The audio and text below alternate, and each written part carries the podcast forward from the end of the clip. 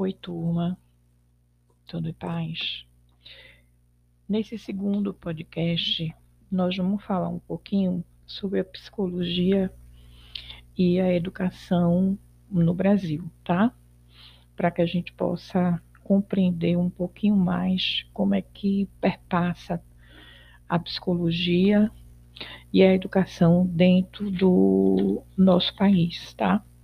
A primeira coisa que eu volto a fazer uma pergunta. Eu sempre gosto de perguntas porque elas nos fazem pensar em resposta e nos fazem refletir. Aí eu começo iniciando o que é psicologia da educação, tá?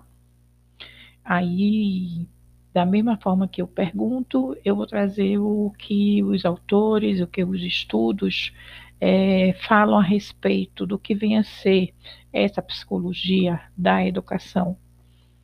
Aí eu digo que a psicologia da educação ou psicologia educacional, ela é um ramo da psicologia que vai se interessar pelo processo ensino e aprendizagem, aprendizagem, né?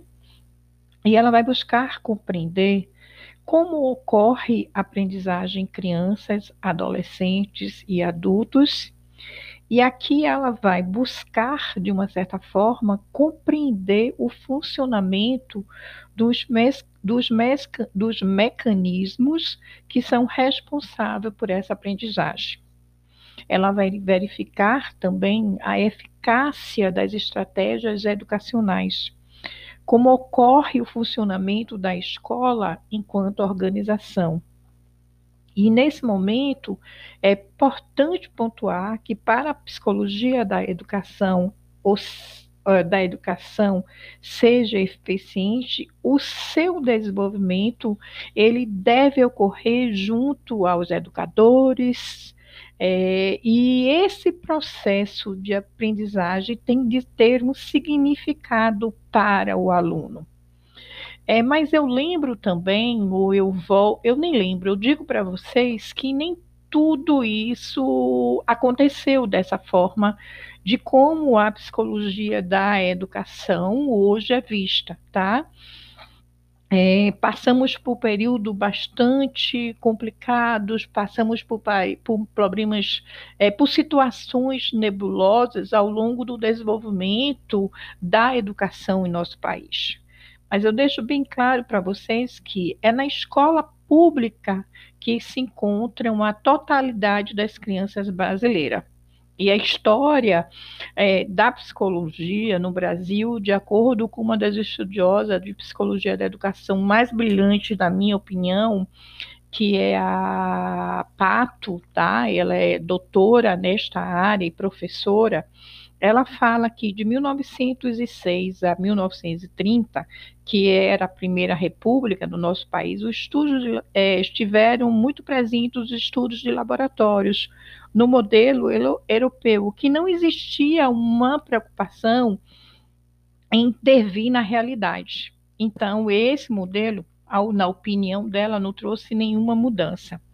Ela fala também de um outro período que vai de 1930 a 1960, que é um período do tecnicismo que vem de origem norte-americana né? E é importante é, falar que aqui é, a gente vai ter o que a gente utiliza, a gente fala da psicometria, né?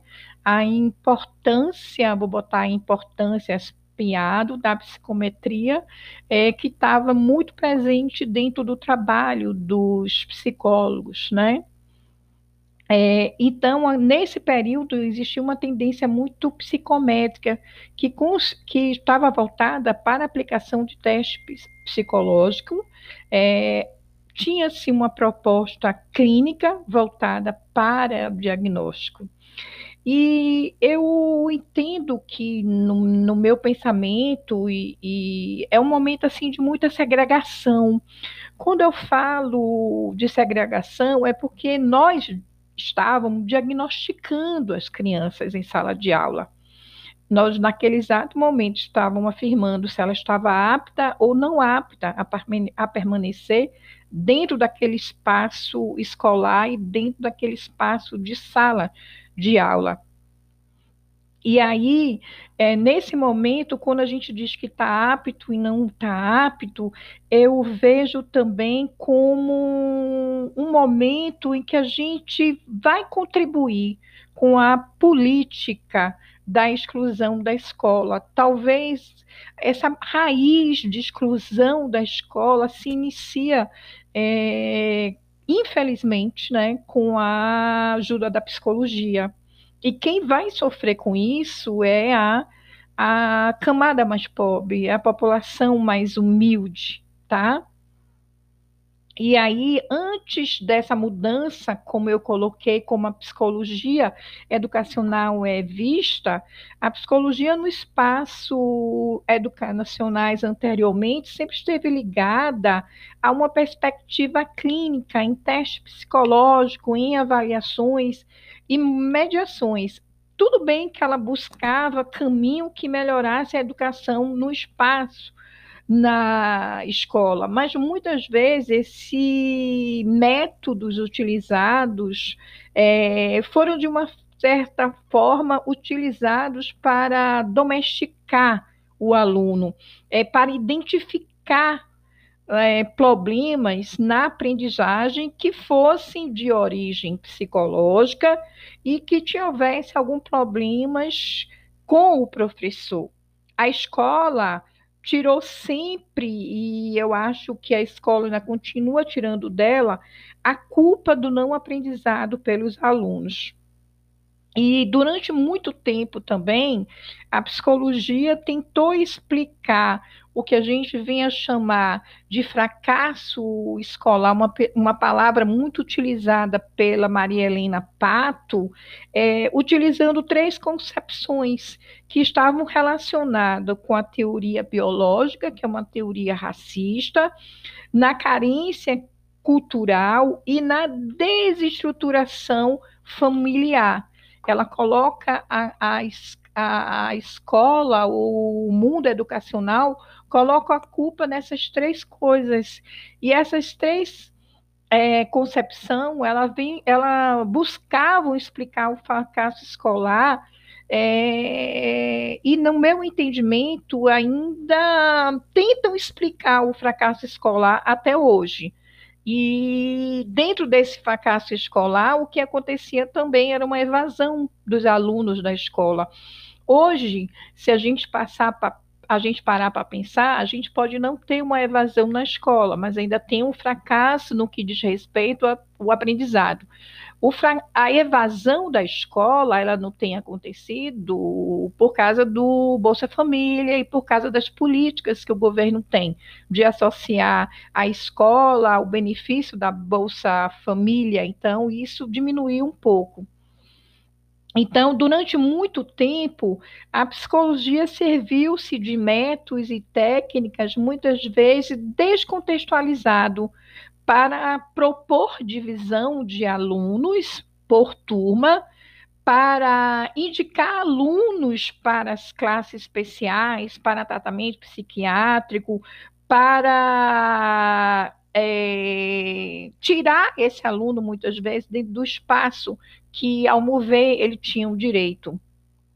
Mas houve também, o que a gente vou falar rapidamente, o processo de democratização. E mais uma vez, a psicologia, ela fez parte desse processo de democratização. E a psicologia escolar, ela continuou usando nesse período as mesmas estratégias, estratégias para classificar o aluno a democratização ela pregava o retorno dos alunos que estavam, que estavam fora desse espaço e que de uma alguma forma precisava receber todos e neste momento havia o que uma necessidade de uma psicologia que ajudasse na classificação, que explicasse a disciplina e justificasse a repentência do ensino, a repentência no ensino regular. A escola cresceu e ainda nesse momento a escola continuou a usar os mesmos métodos. A gente vai ver ocorrer uma mudança na década de 80, é, com os trabalhos da Pato, tá? E que, nesse exato momento, ocorreu críticas a essa psicologia. E aí, a crítica à psicologia, a crítica ao governo da época. E a principal crítica feita à psicologia estava relacionada à forma de entender os fenômenos, os fenômenos, fenômenos e como ocorriam as suas, as, as suas aplicações nos meios educacionais. E aí é nesse momento que surge para o que a gente chama de uma psicologia escolar crítica, onde ela precisava entender a escola como uma parte determinante no processo educacional. E aí começa-se a desenvolver é, técnicas de trabalho que possa envolver, que envolveria todos os atores da escola, ou seja, a comunidade escolar.